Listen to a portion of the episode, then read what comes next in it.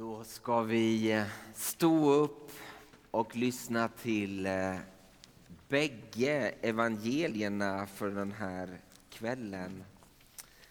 Först ur Matteus evangeliet som är den här årgångens text.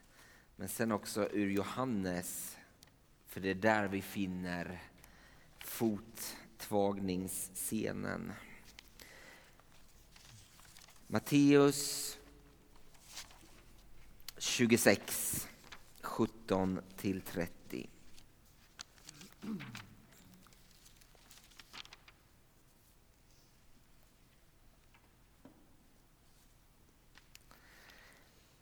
Första dagen av det osyrade brödets högtid kom lärjungarna fram till Jesus och frågade Var vill du att vi ska ordna för påskmåltiden åt dig?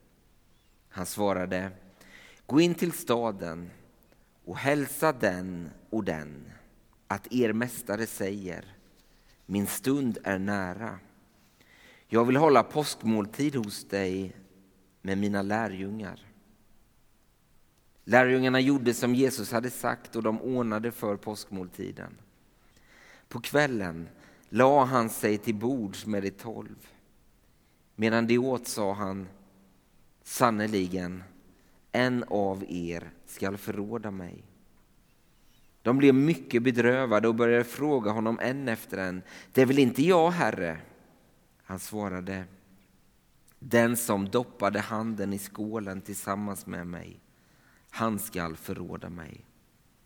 Människosonen går bort, som det står skrivet om honom.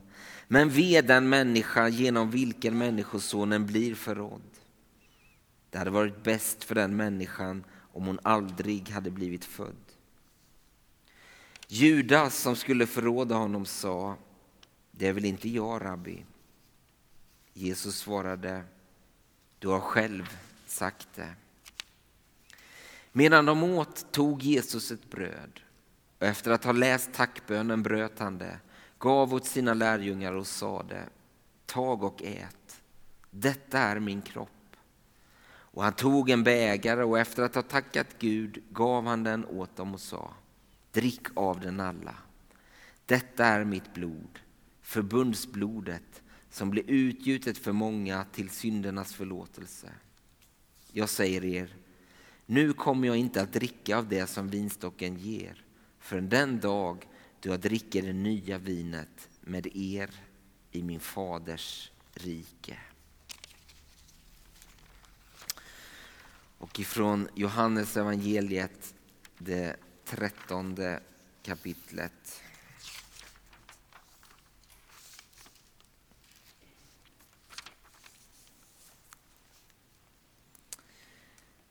Det var strax före påskhögtiden och Jesus visste att hans stund hade kommit då han skulle lämna världen och gå till Fadern. Han hade älskat sina egna som levde här i världen och han älskade dem intill slutet. De hade samlats till måltid och djävulen hade redan ingett Judas, Simon Iskariots son, att förråda Jesus. Jesus visste att Fadern hade lagt allt i hans händer och att han hade utgått från Gud och nu återvände till Gud.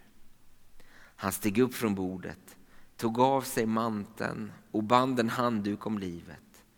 Sedan hällde han vatten i tvättfatet och började tvätta lärjungarnas fötter och torka dem med handduken som han hade bundit om sig.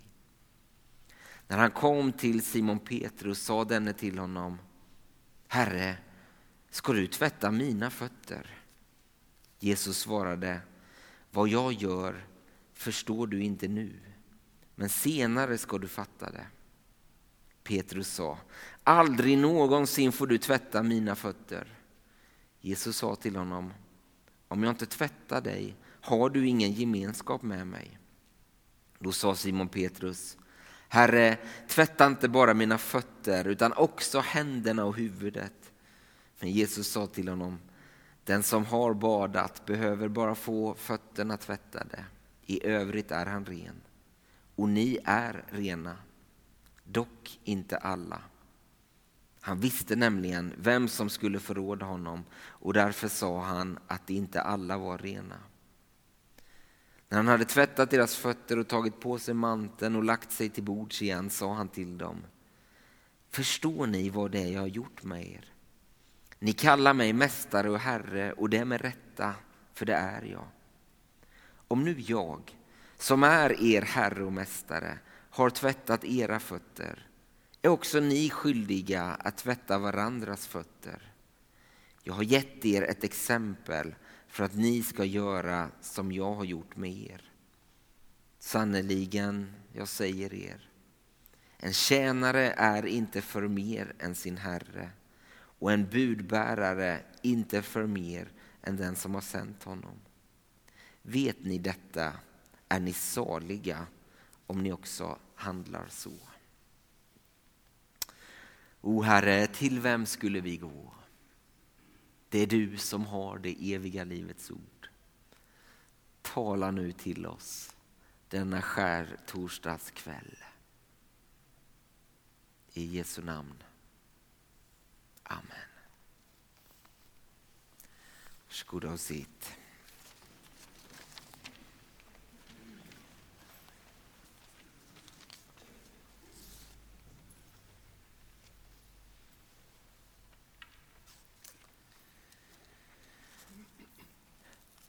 Vad är det att vara kristen? Vad är det att följa Jesus? Egentligen så finns alla svaren på de frågorna i den här kvällens skeenden. Skärtorsdagens akter. Tjänandet Firandet av det nya förbundets måltid som är en verklighet redan här och nu. Men också en försmak av den himmelska måltid som väntar oss. Och i ett semane Jesus som den lidande, kämpande och utsatte. Han som älskar de sina ända till slutet och överlåter sig när han låter Guds vilja ske. Ja, den medlidande. Det är den kristna gudsbildens själva signum.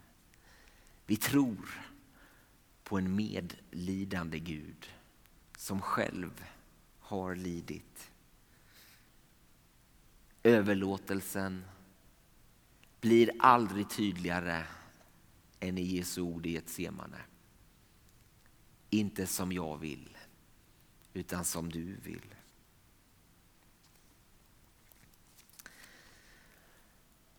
Sen kan vi fråga oss, vad ryms egentligen i den här rörelsen från att Jesus ligger till bords till att han börjar tvätta lärjungarnas fötter.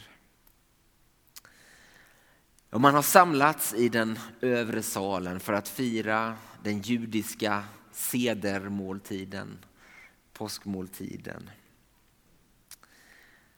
Mycket tyder på att det är i Esséernas hus.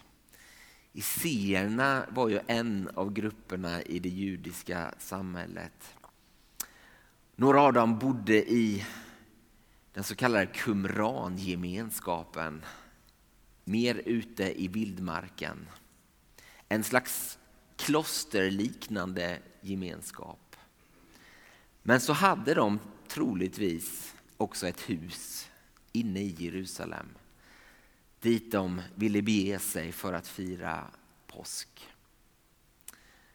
En av ledtrådarna till att det kanske var så, det är att i Markus evangeliet då säger Jesus att bege er in i staden och när ni ser en man som bär på en kruka, följ då med honom till det hus han visar. Där är måltiden förberedd. Det var inte mycket till ledtråd kanske vi tycker. Men att bära vatten, hämta vatten, det var kvinnornas uppgift. Så det var högst ovanligt att se en man som bar på en kruka. Såvida då man inte tillhörde en gemenskap där eh, familjebanden såg annorlunda ut. Och troligtvis var det bara män som levde just i de här isenas gemenskap. Jesus hade en nära relation till dem. Och nu blir det platsen för denna speciella kväll.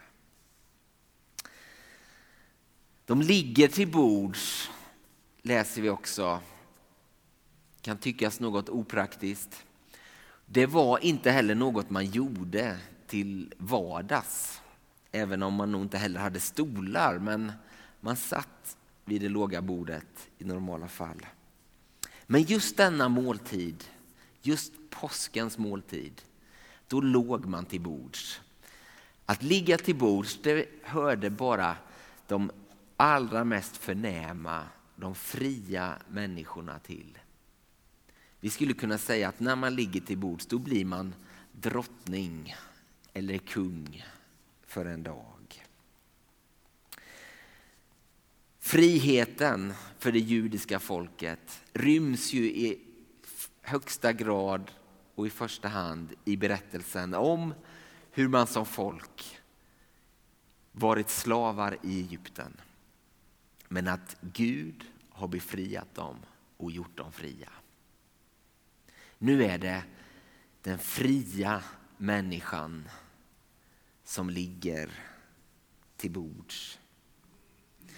Mitt då i den känslan och i allt det man minns under själva påskmåltiden med dess attribut, med de fyra bägarna, lammet, det osyrade brödet, örterna. Ja, det finns några saker till på det där bordet. Men mitt i den där känslan av att det är frihet man firar, då gör Jesus det här högst oväntade. Ett riktigt slavgöra. Ja, det är till och med så att en, en judisk slav ansåg att det var under deras värdighet än som slavar att tvätta någons fötter. Det var därför bara icke-judiska slavar som gjorde det och det var alltid den yngste, den som var absolut lägst i rang. En väldigt stark markering ifrån Jesus sida. Men vilken skillnad det är att tvätta någons fötter som en slav. En som ofrivilligt är ägd och tyngd av tvingande arbetsbördor. Eller att välja att göra det som en fri människa, som ett uttryck för kärlek och tjänande. Här får vi i allra högsta grad av Jesus själv en konkretisering av det som är den vackra Kristushymnen som Filipperbrevet 2 innehåller. Han ägde Guds gestalt men vakade inte över sin jämlikhet med Gud utan avstod från allt och antog en tjänares gestalt då han blev som en av oss. Ja, Jesus han visar på en väg. Och inte bara en väg som är hans. Utan som en uppmaning till sina efterföljare. Lika självklar ser vi i Johannes evangeliet som uppmaningen att fira nattvardens måltid. Lika självklar är uppmaningen att tvätta varandras fötter. Tjänandet. Det är inte lite fernissa på ytan av den kristnes liv utan finns invävt i själva livshållningen.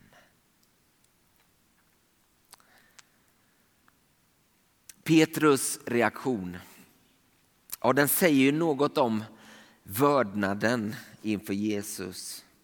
Samtidigt så visar den ju att han inte har förstått vad det är egentligen Jesus har kommit för att göra. Att rena, inte bara våra fötter utan hela våra liv. All vår synd, all vår skuld. Och när det gäller den reningen, då kan inte vi vare sig tvätta oss själva eller som medmänniskor göra det. Den reningen kan bara Gud själv stå för. Här i tänker jag ligger en annan stor och svår utmaning. Att be om hjälp. Att inse att man är helt och fullt beroende av någon annan eller något annat. Jag tänker många gånger hur mycket enklare och rikare skulle inte våra liv bli om vi också i våra mellanmänskliga relationer blev allt bättre och modigare när det gäller att be om hjälp. Det finns ju bara vinnare på det. Den som är i behov av hjälp kan få ett problem löst, känna sig mindre ensam. Och den som kan ge får känna givandets glädje, också mindre ensam.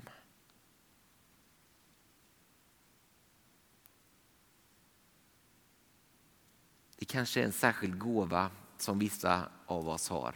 Gåvan att kunna be om hjälp. Den skulle behöva bli allt mer utbredd. Så den andra akten den här kvällen, måltiden. Jag tänker vilken underbar pedagog Jesus är. När han nu vet att tiden är utmätt till några få timmar tillsammans med lärjungarna. Och då håller han inte en lång föreläsning om den teologiska innebörden av vem han är. Han frammanar inte heller bara en viss känsla att hänga upp sin tro på. När han ger två handfasta övningar som också räknar med kroppen. Och så vet vi ju att det är att ett, ett minne som sitter i kroppen det är mycket starkare än det som bara finns uppe i huvudet. En kollega till mig han skrev idag på en blogg som han har. Vi kan lätt tänka att tron enbart är det vi bekänner och eventuellt känner. Men tron formas i hög grad även av det vi gör. Vi är inte enbart huvuden och hjärtan. Vi är även kroppar. Det som formar oss till de människor vi är, är vad vi regelbundet gör. Eller för att säga det på ett ännu mer passande sätt, du blir vad du äter. Ja, i fottvagningen, i nattvarden blir tron konkret. Vi bjuds hjälp mot tvivlet och vi bjuder motstånd mot allt sådant som vill föra oss bort från den kristna trons verkliga centrum. Jesus Kristus, för dig utgiven. Uppmaningen, jag har gett er ett exempel för att ni ska göra som jag har gjort med er. När det gäller nattvarden så får vi denna kväll alldeles särskilt lyssna till och ta in orden runt måltiden. Jag ska säga några ord också bara om det praktiska. När vi tar emot nattvarden så blir det idag en station här framme. kan man gå sen mittgången tillbaka ner. Och ni som vill bli betjänade där ni sitter i bänken så kommer nattvardstjänarna till er mot slutet av utdelandet. Men under den här stunden så kommer vi lyssna till musik, vi får vara i bön. Man kan tända ljus både här framme och nere i hörnet. Och så här framme på främsta bänken så har vi nu tre stationer där Eva, Frida och jag kommer vara. Och då sätter man sig på bänken och så tar man av sig sina strumpor och lägger upp sin fot och så kommer vi på Jesu uppdrag tvätta era fötter. Kan förstå att det här kan kännas lite ovant och obekvämt för vissa.